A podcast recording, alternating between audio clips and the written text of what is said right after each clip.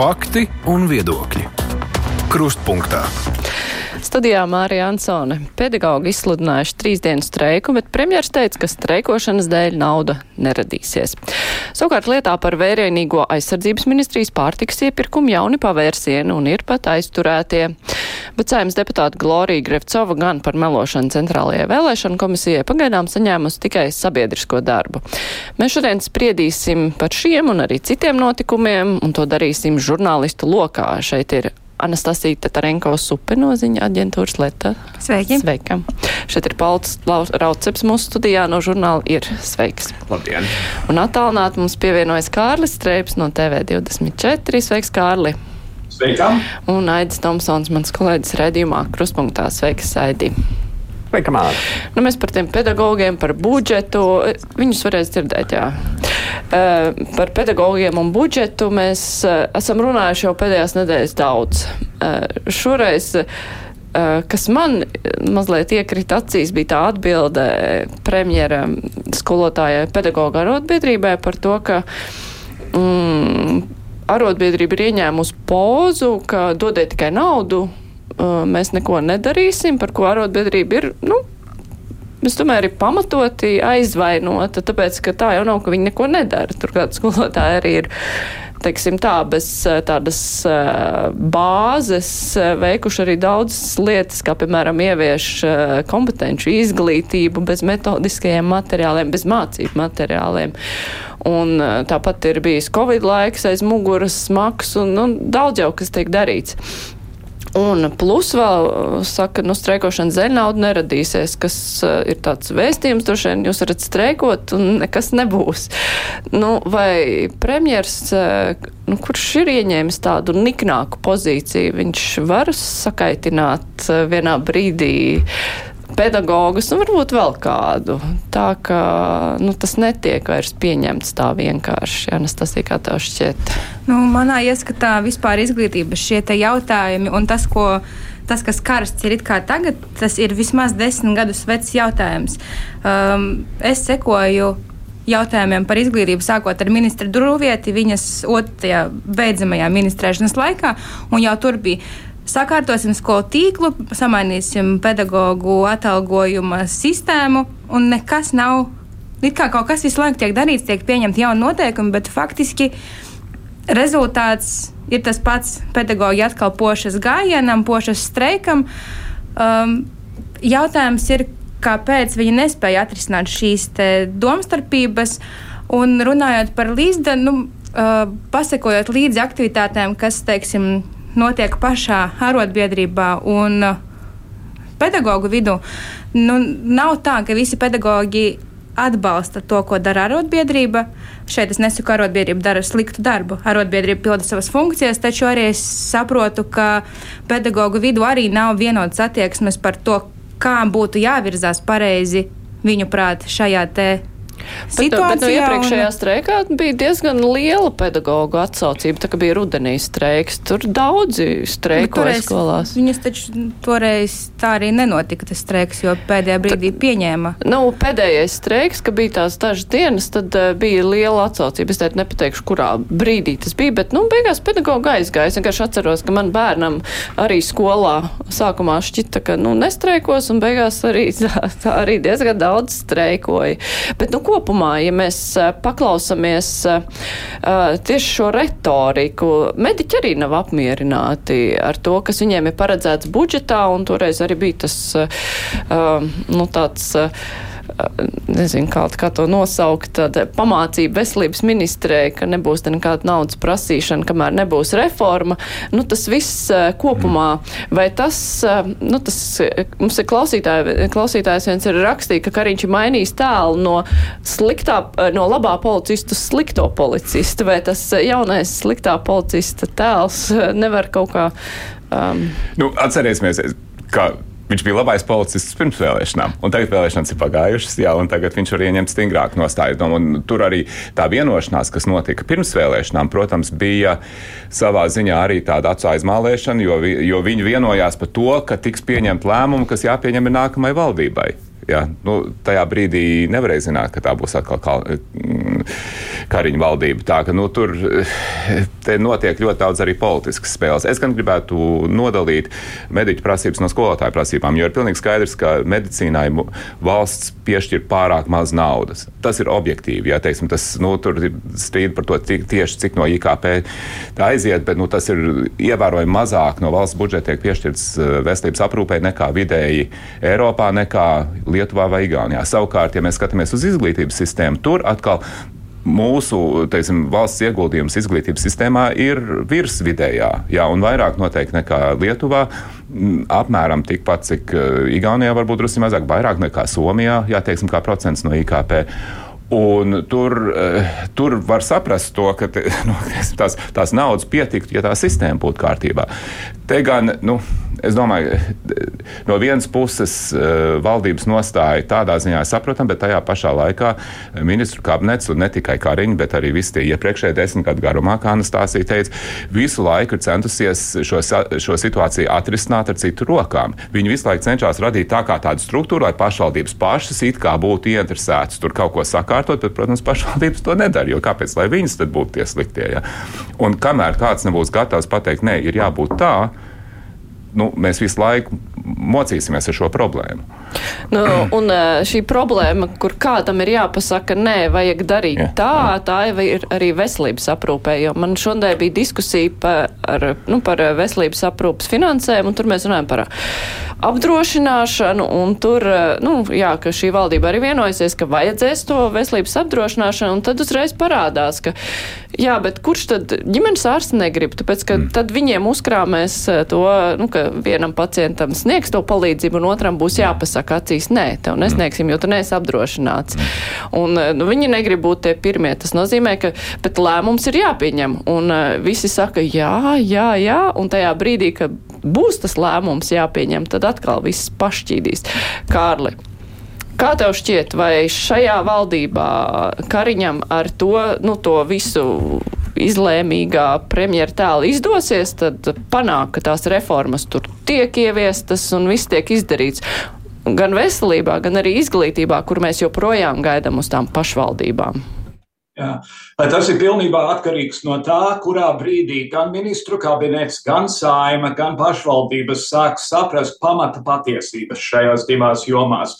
Izglītības jomā kādam ir beidzot jāpasaka, ka maza skoliņa laukos, kuros ir tikai 15 skolēnu, nav reāla. Viņa ir jāslēdz. Es saprotu, tas ir kultūras nams un viss pārējais, bet tas nav. Tas ņem labu daļu no tā finansējuma, par ko Pauls runāja. Kas attiecas uz, uz veselības aprūpi, ja man būtu atbildi uz to, kas tur ir jāsakārto, es viņu, protams, pateiktu, bet mēs par ne, šī saruna būtu varējusi būt 91. gadā, 98. gadā, 2003. un tā tālāk. Šīs lietas turpinās. Es šodien lasīju par sūdzību, ka personāls trūkst medicīnas aprūpē. 4000 māsas un māsu palīgi pat labam iztrūks no sistēmas. Uh, un, un es pilnīgi piekrītu tam, ka galvenais, kas ir vajadzīgs, ir valstiska apdrošināšanas programma. Es, man, man Latvijas universitāte ilgus gadus maksāja apdrošināšanu, es tur vairs nestrādāju, es tagad esmu privātpersona, man apdrošināšanas nav, un es nezinu, kur viņu dabūt. Aidi, kā tev šķiet, vai šajā valdībā nu, ir kādam tas dzels tvēriens, lai vienkārši beidzot ņemtu un izdarītu? Jo mēs visu laiku piesaucam Igauniju, kurai izdevās, kur vienkārši to pašu veselības apdrošināšanu sāka ieviest un ievies. Un tagad viņiem tur viss ir labi, bet, protams, rezultāts nav tūlīt. Viņi arī sāka skolu reformu un ieviesa un nevis atkāpās. Jo, nu, tas tāpat viss sadurās beigās pret tiem politiskajiem lēmumiem, ka, mēs, ka partijas nu, nespēja līdz galam pateikt, jā, mēs gribam. Vai premjeram izdosies panākt, ka viņi vienojās? Hmm. No to es tev varu atbildēt tikpat, cik jebkurš cits. Es nezinu, vai izdosies.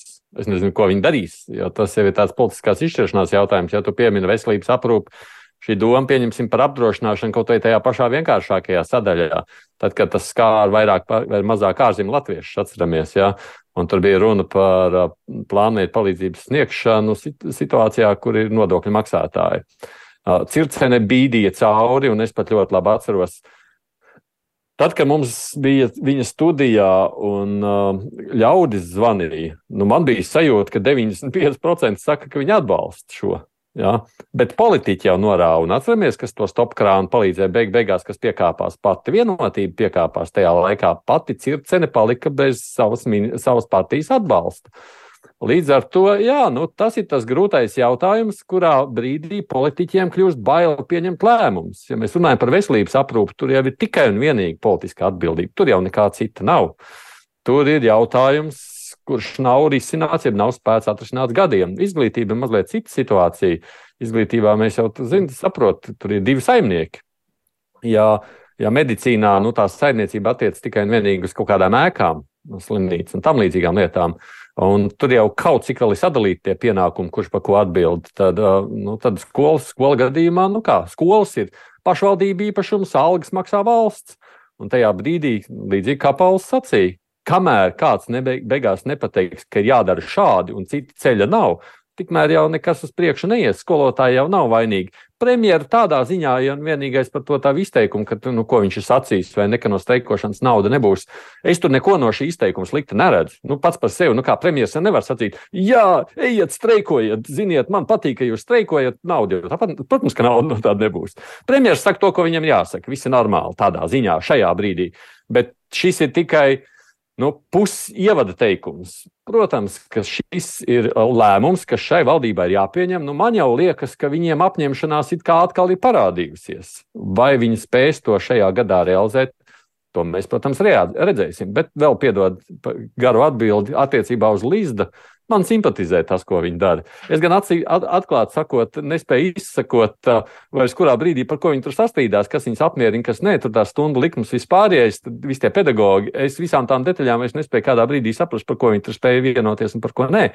Bet tas, ka viņa kā tāda lauvene cīnās par saviem, man patīk. Īstenībā no visām arotbiedrībām viņa dara to, kas arotbiedrībai ir jādara pēc pilnas programmas. Citām arotbiedrībām vajadzētu paskatīties reizēm, kā vajag aizstāvēt savas nozares intereses. Es eh, divas lietas gribēju piebilst. Pirmkārt, par līdzdu un atšķirību starp līdzdu un mediķiem. Te mēs skaidri redzam, eh, kas notiek, kad ir joma, kurā cilvēkiem darbs var būt tikai Latvijā, un, kurā, un joma, kurā viņi var aizbraukt uz jebkuru pasaules malu un tur strādāt. Un tas ir daudz vienkāršāk nekā iziet smago organizēšanas un protestēšanas darbu. Latviešu valodas skolotājs var būt tikai Latvijā tā, ka viņi ir spiesti organizēties, mēs redzam, ka tam ir nu, kaut kāds rezultāts. Mediķis var aizbraukt uz Zviedriju, Lielbritāniju, Ameriku. Jā, teiksim, un, un, jā. Un, un, un, un līdz ar to teiksim, tas, tas spiediens no mediķa puses, protams, vienmēr būs mazāks, jo viņiem ir alternatīva. Man liekas, ka tā, bet no mūsu no sabiedrības viedokļa, protams, tas nav apmierinošs rezultāts, jā, teiksim, kad, viņi, kad viņi var meklēt darbu kaut kur citur. Es arī gribēju vienkārši par to, tāpēc, ka e, runājam par to veselības apdrošināšanu. Es personīgi esmu pret.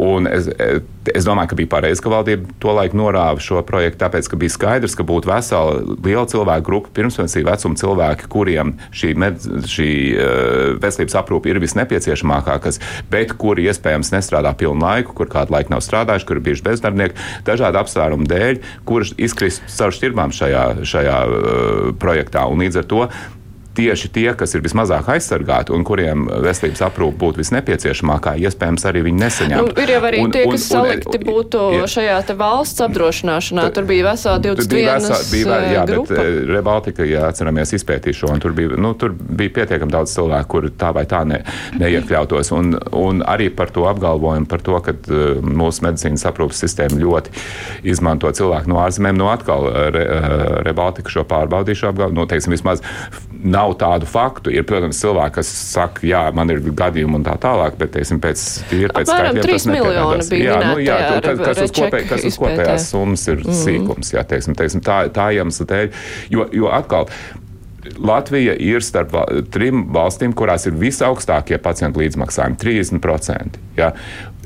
Tas, ka mēs pārliksim to naudu no vienas kabatas, teiksim, no tā, ka mēs ejam un maksājam teiksim, nu, tieši no savas kabatas uz to, ka mēs maksājam caur kaut kādu apdrošināšanu, tas jau nemainīsies. Bet tas, bet tas ir tas mūsu sliktie veselības rezultāti ir domāju, diezgan stingri korelē ar šo lielo līdzmaksājumu uh, summu, jo tas nozīmē, ka ir daudzi cilvēki, kuri vienkārši nevar atļauties. Un viņi arī pie apdrošināšanas nevar atļauties, un viņi arī pie tās sistēmas uh, vairāk slimos un uh, turpinās teiksim, mūsu kopējos rādītājus uh, pazemināt. Nu, Ingrīda Circene minēja šonadēļ raidījumā, ka Igaunijā esat tikai daži procenti, kas eh, reāli neiekļūst tajā apdrošināšanā, jo tur tas viss ir kaut kā tā sakārtojies, ka tiem, kuriem tiešām vajag valsts apdrošinājumu, bet nu, to modeli tur vajag droši vien sīkāk papētīt. Es gribēju ne par veselības apdrošināšanu, bet uh, vispārīgāk par to, vai mēs esam situācijā, kad ir potenciāls atrisināt šīs domstarpības. Man liekas, ka mēs, atduram, mēs kuro reizi atduramies pret problēmu ar politisko fragmentētību, kad mums ir šausmīgi daudz partiju, kurām ir sava, savs elektorāts, un viņiem ir jāpatīk savam elektorātam, un tagad uh, koalīcija ir cik. 50, aizmirsu, cik balsis. Budžets, man liekas, budžets pieņemts ar 52 balsīm, kas ir kliedzoši maz. Un, uh, līdz ar to uh, opozīcijai ir ārkārtīgi liela ietekme uz uh, cilvēkiem. Nu, skaidrs, ja teiksim, tiktu pieņemts lēmums par uh, mazo skolu slēgšanu. Uh, ir liels politiķu daudzums gan opozīcijā, gan arī tajā pašā koalīcijā, kas nu, neļauj pieņemt šādus lēmumus. Līdz ar to manā ieskatā arī šobrīd būtu diezgan sarežģīti pieņemt radikālu lēmumu, jo tam nav stabila atbalsta.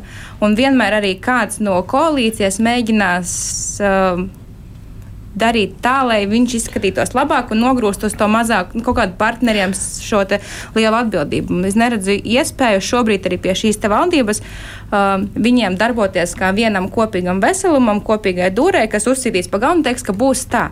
Mm. Bet tā aida doma par uh, Lizdu, kas cīnās kā lauvene, eh, man ļoti patika, jo mēs ļoti bieži minam Skandināviju kā piemēru, uh, kur ir tik daudz ko sasnieguši, un tur tomēr ir liels nopelns arī tam, ka viņiem ir tik spēcīga arotbiedrība kustība jau vēsturiski, un ka tā ir tā joma, kas mums Latvijā tiešām varētu būt stiprināta. Bet iesim tālāk uz tā visa fona aizsardzības ministrijas slavenais iepirkums. Uh, Tur bija 200 miljoni, 220 miljoni uz pieciem gadiem. Nauda gan budžetā nav paredzēta, bet tas jau ir cits jautājums. Bet uh, kas manī tajā visā stāstā nu, es nezinu, vai kādam ir atbildi uz šo jautājumu. Tagad knaps ir sācis procesu un ir aizturētie un visi pēta dienesta pārbaudas. Tas viss nebūtu noticis, ja Forbes par to nebūtu uzrakstījis, Kārli. Vai šis jautājums tevi satrauc? Man, liekas, ka galvenais, kas te ir jāsecina kārtējo reizi, ir, ka mums ir milzīgi, milzīgi lielas problēmas civildienestā. Es neticu, ka Artis Fabriks personīgi izlēma šitādu lietu, un man visvairāk sauc atmiņā tas, kas notika vakcinācijas procesa sākumā, kad mums Latvijai piedāvāja lielu kaudzi vakcīnu, un divi ierēģi veselības ministrijā bija tie, kuri nolēma, nepaldies, mums nevajag. Un rezultātā vakcinācijas process sākās klupšus krišus.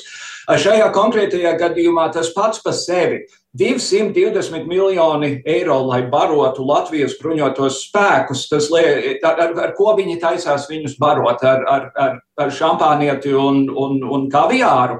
Uh, tas, tas pats par sevi liekas dīvaini. Bet es ceru, ja, ja tagad ir pirm, notikusi pirmā aizturēšana, es ceru, ka korupcijas novēršanas un apkarošanas birojas būs atklāts sabiedrībai par to, kas tur notika, lai mēs varam zināt, kas tur notika un domāt par to, kā novērst lai nākamreiz tas nenotiek. Skaidrības labāk gan ir jāpiebilst, ka tie 220 miljoni nav jau parakstīts līgums, ka tos visus pārskaitīs tai firmai. Tas ir tie griesti, eh, līdz kuriem var veikt iepirkumus. Mums bija raksts žurnālā par šo pirms pāris nedēļām, un tur tieši arī aizsardzības ministrija teica, ka teiksim, nu, teiksim, tas ir pie, izpildoties kaut kādiem konkrētiem apstākļiem, varētu būt līdz tam, bet nu, teiksim, tas nenozīmē, ka obligāti tā samaksāt. Tā problēma ar to iepirkumu, kā tas iepirkums tika organizēts un kā, piemēram, nu, kas man liekas pilnīgi pārsteidzoši, ka netika veikts drošības pārbaudas par šo uzņēmumu un vis kā kādas citas lietas. Tur ir pamats skatīties, kāpēc tas tā notika un kāpēc tika palielināti šie griezti tik, tik lielā mērā. Bet uh, ir svarīgi arī pateikt, ka teiksim, ne, neviens nav parakstījies uz to, ka teiksim, mēs obligāti šai firmai pārskatīsim 220 miljonus. Tas, tas gluži tā nav. Bet, nu, ja jau ir notikušas aizturēšanas, nozīmē, ka Jā. nu, tur ir pamats Jā, nē, pa, ka, pa to, kaut pil, kam. Pilnīgi skaidrs, ja teiksim, tur viss tas process, kā nonāca līdz tam, protams, ir, tur ir visā pamats būt aizdomīgiem ļoti. Ja? Bet, bet nu, es, es vienkārši gribu pateikt, ka, tie, ka teiksim, nav tā, ka tur tagad tiks tērēti, jo tas, tas, tas skaitlis nav ie, ierakstīts, iekalts akmenī, ka tik tāds obligāti būs. Nu jā, bet, bet tas, kā vispār šī informācija parādījās, mm. tas, ka vispirms žurnālisti uzrakstīja un pēc tam sāka izmeklēt, nu, tad īpaši tādā aizsardzības sektorā, kur viss ir klasificēta informācija, kur valsts noslēpums. Tas nozīmē, ka kāds ir kaut ko atklājis. Tur, kur neatklāja, tas, no, tas viss aiz piecām zieģelēm un neviens neko neizmeklē. Tad. Man pat liekas satraucošāk tas, ka nevis atklāja kaut ko, kas it kā ir klasificēts un uh, labi sargājams, bet aizsardzības ministrijā, kas mūsu ieskatā, kur ir jābūt vissakārtotākajai ministrijai ar atskaitēm, kārtībām un visu pārējo, Un, kad mēs tagad lasām ziņas par to, ka valsts sekretārs nezina, ministre nezina, bijušais ministrs arī tur īsti neko nezina, kurš tad zina par to, kas notiek ministrijas iekšēnē ar iepirkumiem, kas ir saistīti ar aizsardzības resoru, ar bruņotajiem spēkiem, kuri šobrīd ir top tēma, kam dod papildu līdzekļus un ir pievērsta ārkārtīgi liela uzmanība. Tas, manuprāt, ir satraucoši, ka ministrija vadības līmenī iespējams nezina, kas notiek zemākos līmeņos. Es tikai prezumēju par to, ka iespējams tas tā ir. Nu, vismaz no, publiskā, no publiskās telpas tāds priekšstats varētu rasties. Nu, Knapu vadītājs arī norādīja, ka mēs redzam, kas notiek, jā, korupcija iezogas tādā svarīgā sektorā, kāds ir aizsardzības sektors. Aidī. Nu, tev ir cerība, ka tagad šim sektoram tiks pievērsta nopietnāka uzmanība, tīpaši ņemot vērā, nu, cik daudz naudas tagad tur tiks ieguldīts. Nu, tas, ka tagad ir pievērsts lielāka uzmanība, tas ir, jau ir noticis tādā ziņā. Nu, jau ir skaidrs, ka gribētu. Nu, konkrētajā lietā ir, jā. Nē, nu es droši vien es domāju, ka šī konkrētā lieta jau pavelk līdz diedziņas. Tā jau tik vienkārši nebūs. Vispirms jau knabi domāju šīs aizturēšanas, un gan jau arī pēc tam cerams paredzamās iespējamās tiesas lietas grib vai negrib liksmas par to runāt un domāt un skatīties.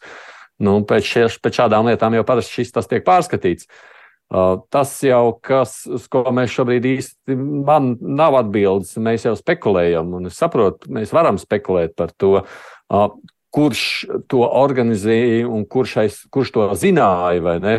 No, no tā jau arī būs ļoti daudz kas atkarīgs, vai un kas var mainīties. Ja tas ir ar politisku piesagu, nu, tad politiskais piesags, kā mēs saprotam, ir politiskā uh, Uh, politiskā atbildība tur ir mainījusies, tur ir parādījusies cita politiskā partija pie stūres. Nu, jādomā jau, ka tur kaut kāda politiskā tādā gadījumā izmaiņām būtu jābūt. Ja tas ir noticis vienkārši kā sistēma, nezinot politiķim pašam, jo no pēc idejas jau, protams, ja ir skaidrs mērķis, nu, ministram nebūtu jāiejaucas iepirkuma komisijas, it īpaši konkursu lēm, lemšanā. Nu, tā tas ir jābūt pēc savas idejas.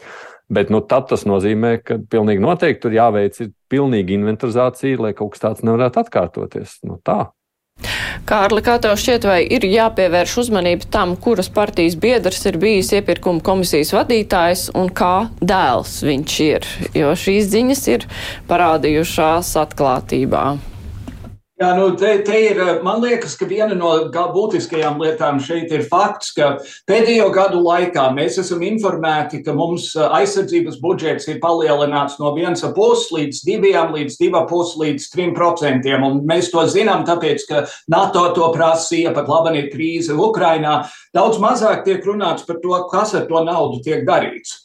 Un šajā gadījumā šķiet acīm redzot skaidrs, ka kādam iet, kāds ieraudzīja to, ka ir šī pēkšņi lielākā nauda un izdomāja, nu tagad, tagad, tagad sāksim šeptēties.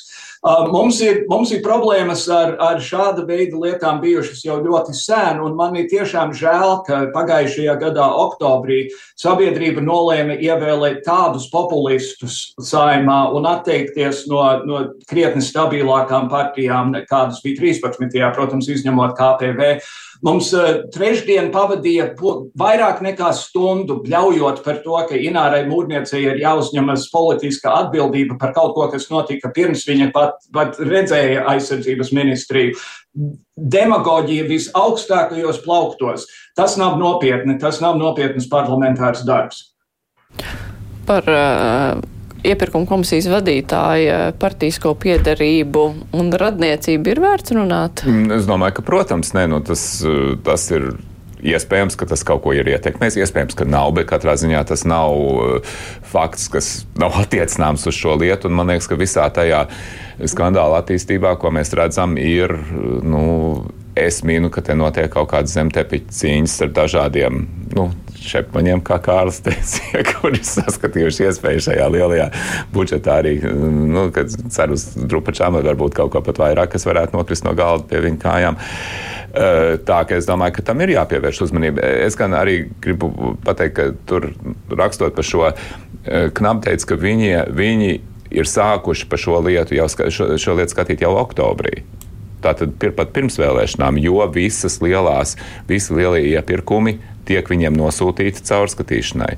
Tā ka līdz ar to varbūt jau tur kaut kas ir jau ātrāk ticis skatīts. Es, es nezinu, es vienkārši minu, bet nu, teiksim, nav tā, ka knapi to sāk skatīt tikai pēc Forbes raksta. Viņiem, viņiem tas jau bija kaut kādā lietvedībā jau pirms tam.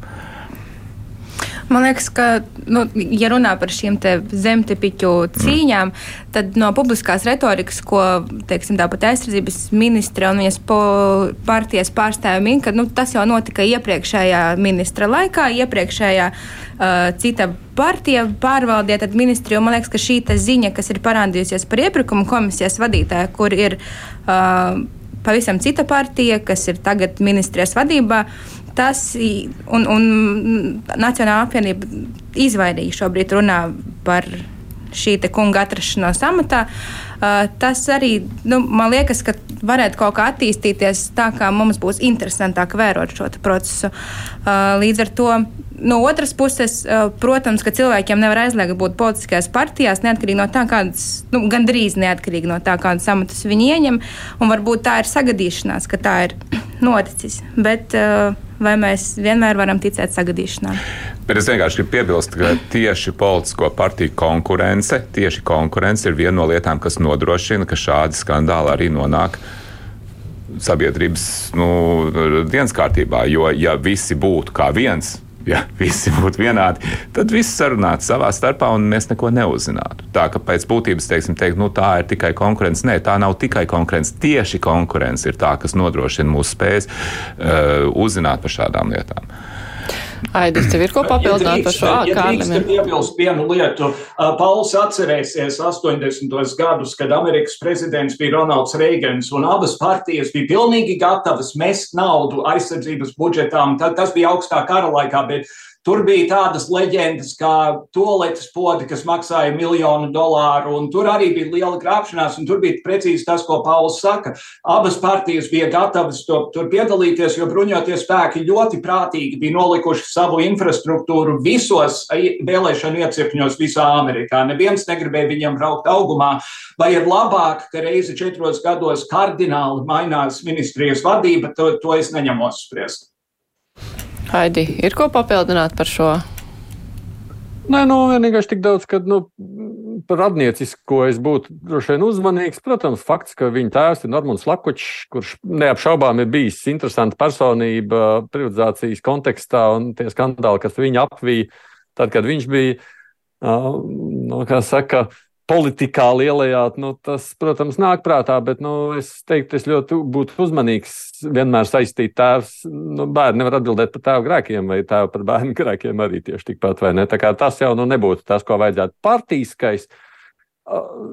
Te drīzāk es liktu uzmanīgāk to skatu punktu, tāpēc, ka pārāk liela summa un pārāk Nu, es pat teiktu tā, cik es saprotu no tās publiski pieejamās informācijas, pārāk, kā lai to pasaka, pārāk nekaunīgi. Nu, pārāk nekaunīgs tas, tas ceļš ir iets, kādā veidā to ir mēģinājuši darīt. Un, ja to dara tik nekaunīgi, tad gribas domāt, ka kaut kādai aizmugurei tai ir jābūt. Tu tik vienkārši, pie tam tur jau daudz ļaužu ir iesaistīti visā tajā procesā. Uh, nu, tik viegli to tā nevarētu. Tāpēc es, parti, es neteiktu obligāti, ka tur jāmeklē tieši partiju saites. Bet nu, es teiktu, līdzīgi kā Pauls, uzmanība tam ir jāpievērš. Mm -hmm. Labi skatīsimies, pievērsīsim uzmanību. Es atgādināšu klausītājiem, ka šodien kopā ar mums ir Anastasija Tetarenko Supe no ziņa aģentūras Leta, Pauls Rauceps no žurnāla ir, Kārlis Streps no TV24 un Aidis Tomsons no Latvijas radio. Mēs tūlīt turpināsim. Raidījums Krustpunktā. Jā, es vēl gribēju saistībā ar budžetu par vienu tematu runāt, kas kaut kā ir paslīdējis garām, bet man šķiet ļoti svarīgs, un uh, tas ir vēsturniecis Inets Lipšs atteikums pieņemt gada vēsturnieku balvu, pasakot, ka vēsture ir finansējuma ziņā tādā pabērnu Romā, lomā, ka faktiski nekas jau netiek pētīts, un lai gan vēsture tiek pies, vakar 16. martā arī runāja par vēstures notikumiem, un vēsturi piesauc. Tajā pašā laikā šī zinātne uh, ir. Uh, atstāta kaut kādā, es nezinu, ne pašplūsmā, bet nu, tur uz veciem lauriem vēl sēž un naudas pētījumiem nav vēsturnieki tiek atlaisti. Pāli, tev bija komentārs par mm. šo. Kā tev šķiet? Vai valdībā vispār, nu tagad, kad mēs runājam, ka zinātne ir jāstiprina, jā, parasti viss domā uzreiz STEM zinātnes, sociālās un humanitārās zinātnes ir piemirstas, jo no mm. visiem projektiem akceptētiem tur vēl viņu jau tā ir ļoti maz, 7%.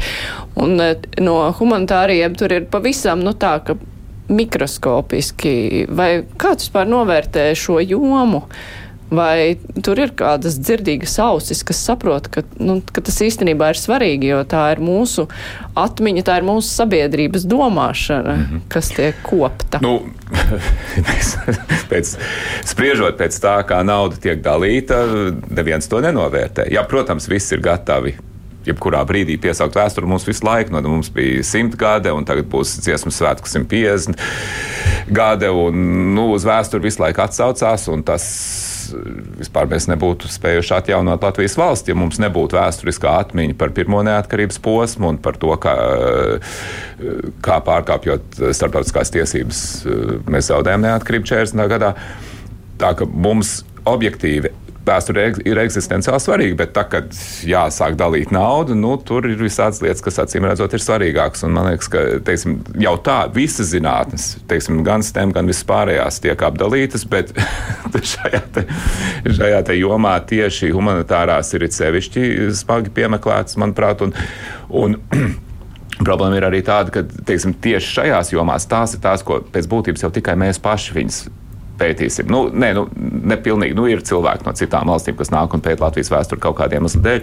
Uh, tur mums ir arī lietas, kas ir interesants arī citiem cilvēkiem, bet pēc būtības, ja mēs paši to nenodrošināsim, tas, tas nenotiks. Un, un tas ir, es domāju, vienkārši nožēlojami. Un tas nav nekas jauns. Es uh, jau pirms gandrīz desmit gadiem uh, intervēju vienu citu ļoti redzamu, produktīvu, iecienītu vēsturnieku Eriku Jākapsonu, un tā situācija tobrīd bija tieši tāda pati. Ja tieši tāda pati, un viņam universitātes rektors tajā laikā teica, nu, ko tu sūdzies, dabūn kādus starptautiskos grantus, tad, lai tu varētu e, pētīt Latvijas vēsturi. Kā ārzemniekiem tas interesētu vairāk nekā mums. Es, es, es domāju, tas ir pilnīgi nepieņemami. Un, un vakar tur, starp citu, es drusku tā iekaistu, bet man liekas, šis ir svarīgs jautājums. Vakar izglītības un zinātnes ministrija izplatīja preses relīzi, jā, nu, ka tomēr ir kaut kāds vairāk nekā miljons un bla, bla, bla. Bet e, nu, tā nauda arī kaut kur aiziet par kaut kādām pilnīgi neizprotamām tērcītēm, ja runā ar šiem pašiem vēsturniekiem, kuri reāli iet uz arhīviem un pēta. Viņi saka, mēs to naudu neredzam, jo tā tiek izmantot komunikācijai, kaut kādā aiziet uz universitātes administrāciju. Nu, tur viss, teiksim, viņi tiek tā tik uh, plāni sadalīti. Ja, ka tur patiesībā sakot, viņi nespēja nodrošināt šo vēstures pētniecības procesu, bet mums ir tik daudz jautājumu, kurus mēs reāli nu, mēs nezinām par viņiem. Jā, mēs, tur, tad viņi ne, vispār nav pētīti, un viņi mums ir ļoti svarīgi. Nu, kaut vai arī par neatkarības atjaunošanu. Uh, atmodas laiks ir, protams, atmiņas, bet tādi nopietni vēsturiski pētījumi par to ir ļoti, ļoti maz. Nu, plus nav pat mācību grāmatas bērniem jā, jā. skolās. Es piekrītu, ka finansējums jebkurai zinātnes nozarei tas nedrīkst būt kampaņu veida pasākums. Zinātnē ir ilgstošs, longitudināls process, kurā ir visu laiku jābūt naudai, un, un tas nav normāli, ka pētnieki, zinātnieki dzīvo. Teiksim, ir četri gadu periods, kad viņiem ir projekts, un tad projektam tuvojas noslēgums, un tad zinātnieks, pētnieks domā, ko nu iesākt tālāk, un ko nu tagad pētīt, kas būtu šķietami uh, stilīgāk, ko varētu apstiprināt. Tas nav ok, zinātnē ir jābūt. Uh, pastāvīgi darbojošais ar normālu zinātnisko finans, ar finansējumu normālā apmērā šim nolūkam. Bet kas man liekas ārkārtīgi svarīgi, pirms dažiem gadiem mēs redzējām, cik kādu uzrāvienu ieguva diskusijas par to, cik svarīgi ir finansēt STEM dažādās zinātnēs, ka tas ir tas, kā Latvija ir jāattīstās, jāiegūt tur ārkārtīgi daudz līdzekļu. Taču, ko mēs redzam tagad, jau vismaz šo gadu, un arī palielam arī Covid parādīja, ka ir problēmas. Cik būtiski ir tas, ka mēs nesaprotam, kas notiek sabiedrībā. Mums nav pietiekami daudz pētījumu par to, kā cilvēki patērē mēdījus, kā viņi izprot vēsturi, kā viņi kā viņi dzīvo. Un to dara nevis STEM zinātnes, kas ir ārkārtīgi svarīgas, nenoliedzami, bet to dara humanitārās un sociālās zinātnes, kurām nav pietiekami plašs atbalsts. Un arī es pieļauju, ka nav arī izpratnes lēmumu pieņēmējā lokā par to, kāda ir šo zinātnes nozaru nozīme Tostarp mūsdienās, kad mēs redzam ar savām acīm to, ka, kāds ir šī te, uh, pētījumu rezultātu trūkumu. Nav pareizs formulējums, vienkārši pētījumu trūkumu, jo trūkst naudas. Uh, rezultāts uz, uz to, kā mēs šobrīd, kurās, kādā situācijā mēs esam attapušies pat labi. Kārli. Kas tev piepilstams? Tu? Man piepilstams ir tas, ka es neesmu īpaši pārliecināts, ka šī konkrētā joma ir tā, kurai, kurai svarīgs ir valsts finansējums. Tas ir akadēmiskais darbs. Un, ja valsts finansē augstāko izglītību pienācīgi, tad tur arī notiek tas pētniecības darbs. Konkrēti, profesora Lipše ir pētījusi tā dēvētos neērtos tematus. Viņa ir, viņa ir rakstījusi par, par homoseksualitāti, un pirmskara laikā viņa ir rakstījusi par vienu konkrētu cilvēku viņa dienas grāmatas kontekstā. Viņa ir kaut kā atradusi iespēju to darīt, un, un es, es saprotu viņas dvēseles kliecienu. Es vienkārši neesmu pārliecināts, ka te ir joma, kurā vajag būt īpaši daudz vairāk valsts finansējuma, jo ar lielāku finansējumu arī nāks valsts pasūtījums par to, ko vajag pētīt un ko nevajag pētīt. Akadēmiskā pasaule ir tā, kurai tas ir jādara. Aidi, kā tev šķiet, universitātēm jāfinansē vai valstī jā, nu, lai gan Kārlis, jā, pareizi arī norādīja, ka valsts kaut ko pasūta, tad tur aiziet vispār naudu atsevišķiem kaut kādiem projektiem, nu tādiem ļoti specifiskiem. Es domāju, Kārļa teiktais ļoti svarīgs. Otrakārt, tas, ko Kārlis saka, jo visādi citādi tā vispār ir tāda tukša runa, piedodiet. Nu, ne mēs šeit studijā sadalīsim, kam vairāk vajag naudu - mediķiem, skolēniem, skolotājiem vai, ārst, vai vēstures pētniecībai, jo patiesībā jau nu kā, katram ir sava daļa. Tas, ko, redz, tā, tā Latvijas problēma ir tāda. Mēs tātad 90. gadā, kad atguvām neatkarību 91. Nu, tā visa tās kā mēs veidojām šo savu pasauli no jauna, to domu, ka mēs lēnām garā viņu pieslīpējam. Bet nu, mēs visu laiku pielāgojamies tiem jauniem izaicinājumiem. Mums jau nav. Drīzāk es sacītu tā, ja man būtu iespēja teikšana, pieņemsim kaut kāda, nezinu,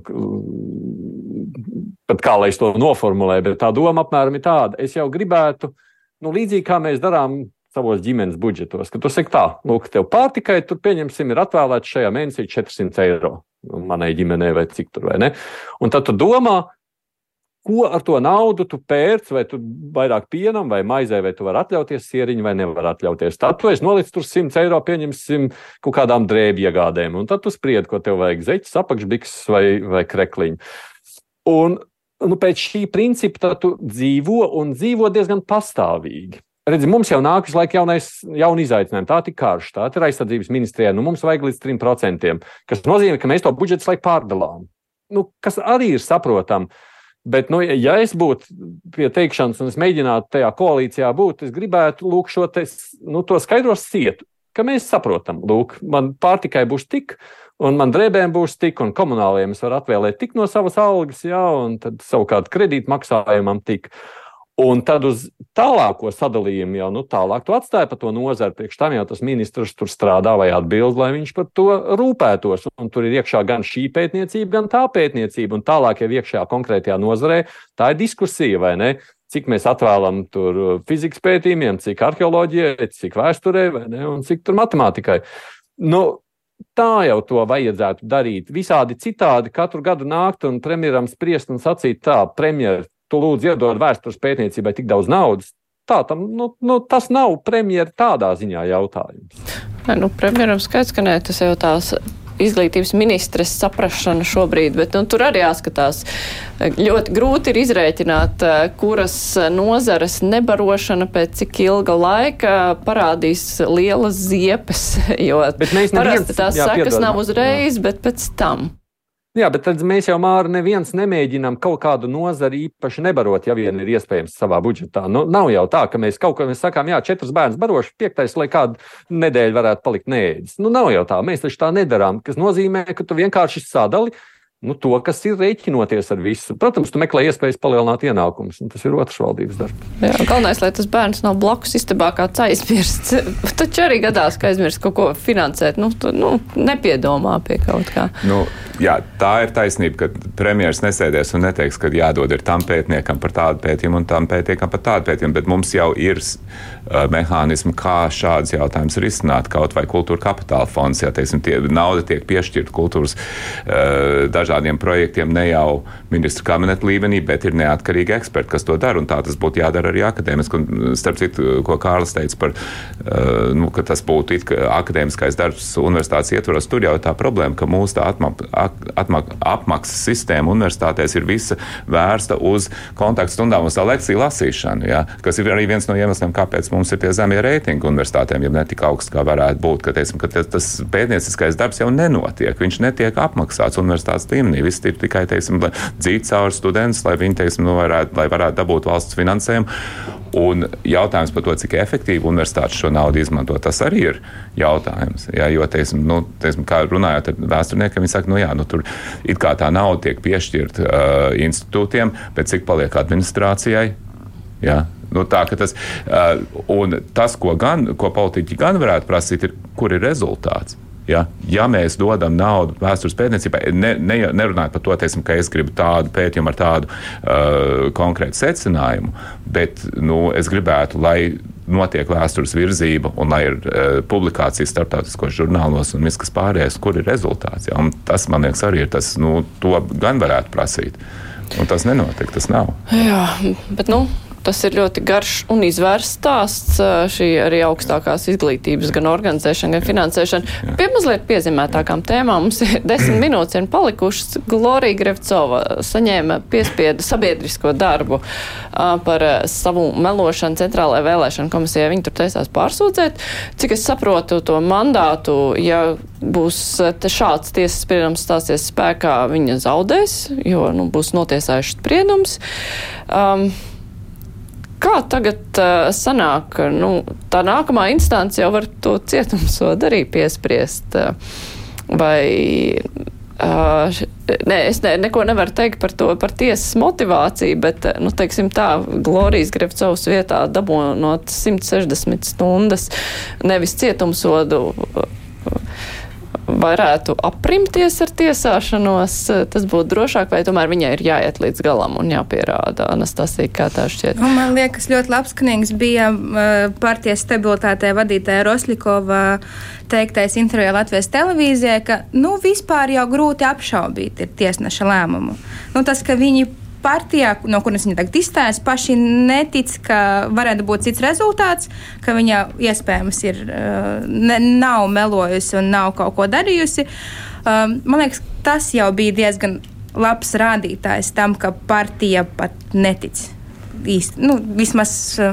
es izdarīju tādus secinājumus no, no, no, no tā publiskā izteikuma, ka partija netic no jau bijušajai partijas biedrei. Skaidrs, ka uh, Glorija Grefcova visticamāk ties, tiesāsies līdz galam. Tagad interesanti ir, ka viņai parādās, ka es taču neko sliktu nedarīju. Ir cits vainīgais, kā tas at, at, attīstīsies uh, tālāk.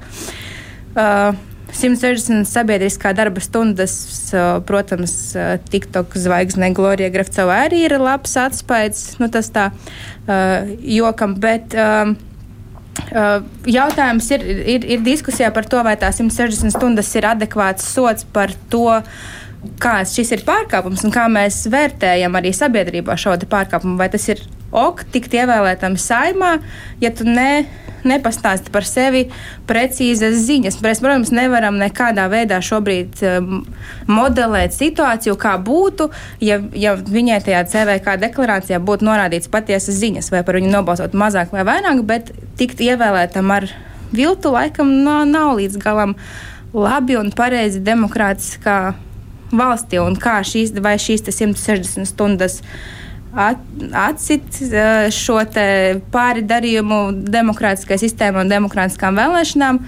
Tas ir jautājums, bet nu, tiesa zina uh, vērtēt labāk. Nu jā, likumā gal galā ir tā variācija ir ielikta no tāda līdz tādam par konkrētu nodarījumu. Kārlī, kā tev šķiet sots adekvāts, Barks vai Grefcovai vajadzētu tomēr atrasties aiz restēm vai nē? Es neņemšos spriest, kāds sots te ir piemērots. Es tikai teikšu to, ka ir eh, saima tagad tikusi pie paša pirmā, pie frakcijām nepiedarošā deputāta. Iepriekšējā saimā tā bija vesela sērga, šajā saimā sērga ir motivācijas balsojumu skaidrošana un atturēšanās dažādos jautājumos. Uh, te, te es pie, vēl ātri piebildīšu, Amerikā pēdējo reizi ievēlēja cilvēku vārdā Džordžs Santos, kurš ir melojis par absolūti visu ko pēc kārtas, kā par savu izglītību, par savu izcelšanos, par to, ka mamma gāja bojā 6. Uh, janvārī, lai gan viņa patiesībā atradās Brazīlijā. Viņš paliks kongresā, tāpēc, ka kongresa partija nevar atļauties viņu zaudēt. Būs, man liekas, ka ar, ar stabilitātei būs tas pats. Viņi grib savus, eh, savus 11 deputātus, un uh, es neticu, ka viņi īpaši viņai brauks augumā. Aidi, kā tu domā? Vai tev tas nē, nu, neuztrauc īpaši? Nē, nē, nu, nē es, domāju, nu, es domāju, ka tā izmeklēšana un tiesa jau savu labo darbu ir izdarījusi tādā ziņā. Nu, nu, ir īpaši vakardienas paziņojums. Tātad viņi saka, jā, es tiešām, jā, man ir vidē izglītība, es esmu malks krāvēji. Un, un, un, un vainīgs neesmu es. Es jau biju pateicis, ka es esmu malks krāvējs. Roslikovs izrādās aiznesis ir uz CVK un pateicis, ka viņi nevis malks krāvē, bet kas viņu tur par izglītību. Un no šāda viedokļa, nu, nu te jau mēs tagad redzēsim, vai ne? Nu, tā tad.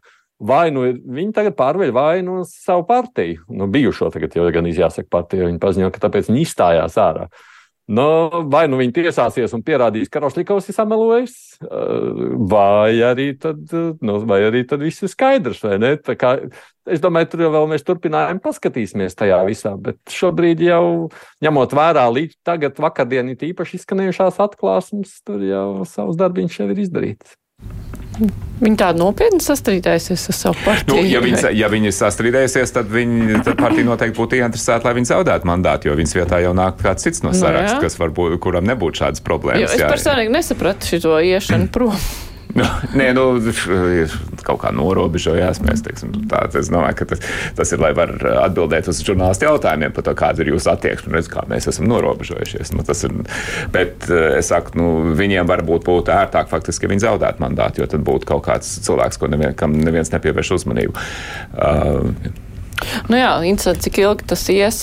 Bet, nu labi, es vēl vienu mazu tematu, arī tīri tā skaidrības labad par eh, tās ziņas, kas parādījās vakar. Krievijas eksprezidents Vitrijs Medvedevs pasūtījis Itālijas aizsardzības ministra slepkavību. Par to It Itālijas eh, izlūkdienests ir brīdinājis. Tas nav tā, ka žurnālisti to ir izdomājuši. Tā tas notiek pasaulē var pasūtīt uh, augstu amatpersonu slepkavību, nevis tur kaut kāda sava tur bijušā aģenta vai ko? Es apskatījos, tā, tā arī itāļu avīze, kas ziņo par to, ir tāda ilfoļo, kas nav, nu, tā nav starp Itālijas vadošiem mēdījiem. Es eh, paskatījos, neviens, nu, teiksim, to bija pārķēris Daily Mail, kas Lielbritānijā nav medijs ar sevi tādu reputāciju. Nu, katrā ziņā viņiem patīk arī skandalozas ziņas publicēt. Nekur citur es to īsti neatradu. Es tā kā, nu, atvinot atpakaļ kaut kādas tur. Um, teiksim, pamācības, ko mēs dodam jauniem cilvēkiem, kā vērtēt iz, nu, informāciju, kas parādās internetā, es teiktu, nu labi, mēs šo piefiksējam, vai es to automātiski pieņemu, pa, nu, ka, ir, ka tā ir pilna patiesība, vai kāds kaut ko tagad spēlēšu. Es nezinu, es katrā ziņā esmu atturīgs vērtēt šo, vai vispār vai tas ir patiesi, vai tā nav kaut kāda atkal, teiksim, kārtējais kaut kāds pīle, kas ir palaists ar kaut kādu citu nolūku. Kārli, kā tu vērtē, tas ir ticami vai nu, vairāk? Nē. Ne pat Krievijā es neticu, ka augstie stāvošas amatpersonas atklātā tekstā saka, ka tagad ir laiks noslēpkavot citas valsts aizsardzības ministru. Pat Krievijā mūsdienās nē, lai gan Ukrainas kontekstā cilvēki ir sarunājuši jebko. Trumps nu pat paziņoja, ka ja viņu neievēlēs nākamgad, tad rezultāts būs trešais pasaules karš, kur mēs visi iesim bojā kodolkatastrofā cilvēki var visādas lietas runāt, no tā neizriet, ka tur ir kaut kāda patiesība. Aidi pievienojies. Es atšķirībā no jums, laikam, nebiju piefiksējis neko tādu. no mūsu mēdī par to lentē. ziņoja gan.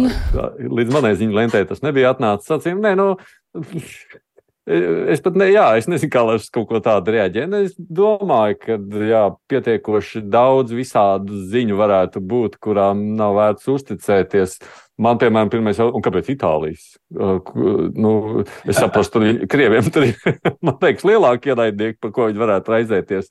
Ja, es arī nezinu, no kā tā tāda informācija nākusi. Ja, ja klausās, ko Medvedevs saka, tad es pieļauju, ka viņš tur varētu arī pusi pus pasauli noslapkavot. Viņa teiktajā vairs, man liekas, sen nav vērts ieklausīties. Bet, bet visu pārējo man, es pat nezinu, kā lai komentētu. Anastasija. Es, es piekrītu, tieši gribu vēlēs minēt par šiem Medvedevo publiskajiem izteikumiem dažādos gan telegramā, gan visur, kur, kur viņš tur uh, liek savas domu pērles. Viņš ir šī gada laikā sarunājis tik daudz, ka, nezinu, jeb, par jebkuru, man liekas, politiķi un amatpersonu, nāciju un, laikam, visu pasauli, ka viņš būtu gatavs pats savām rokām un ar citu rokām. Bet kas man likās interesanti tajā publikācijā, tur bija, nu, cik nu mēs varam ticēt šai publikācijai, tur bija rakstīts par to, ka ir, Wagneram ir savas šūniņas arī Eiropā, tostarp arī Baltijas valstīs. Un tas man likās. Uh, pat būtiskāk nekā nu, šī informācija kā tāda, ja tā ir patiesa, nekā tas, ka Wagner par 15 miljoniem to mēģinās nogalināt eh, ministru citā valstī. Proti, kāpēc tas man liekas svarīgi, ka, ja tas ir patiesība, tad viņi kaut kā šeit eksistē. Gan es saprotu, Balkānos, gan arī Baltijas valstīs. Uh, tas ir, nu, tā, man liekas, uh, nu, uztraukumu jā. raisoši. Nu, jā, Konkrēti nu, tik minēta Igaunija tajā, tajā rakstā. Jā. Nu, jā, bet, bet nu, skaidrs, ka, ja mēs atsaucamies uz Itālijas laikrakstu, ka viņi akcentē savu aizsardzības mm -hmm. ministru, bet mēs varētu uztraukties par to, kas notiek pie mums blakus. Bet, nu, jā, nu, interesanti katrā ziņā. Labi, es teikšu paldies eh, visiem, kuri varēja šodien piedalīties mūsu diskusijā. Un tas bija Pauls Rauceps no žurnāla ir Anastasija Tetarenko Supe no ziņa aģentūras Leta, arī Kārlis Streips no TV24 un Aidis Tomsons, mans kolēģis raidījumā Kruspunktā. Noteikti pastāstīšu par to, kas ir rīt dzirdams uh, laikmeta krustpunktā, ko vada mans kolēģis Arnis Krauze. Tur viņam būs uh, stāsts par bijušo labklājības ministri.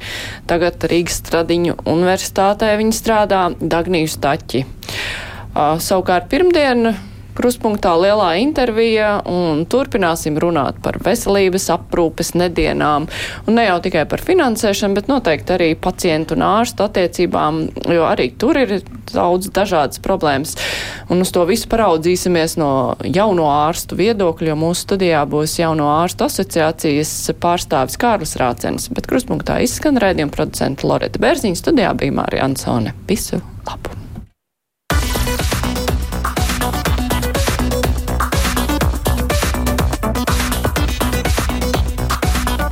Fakti un viedokļi. Krustpunktā.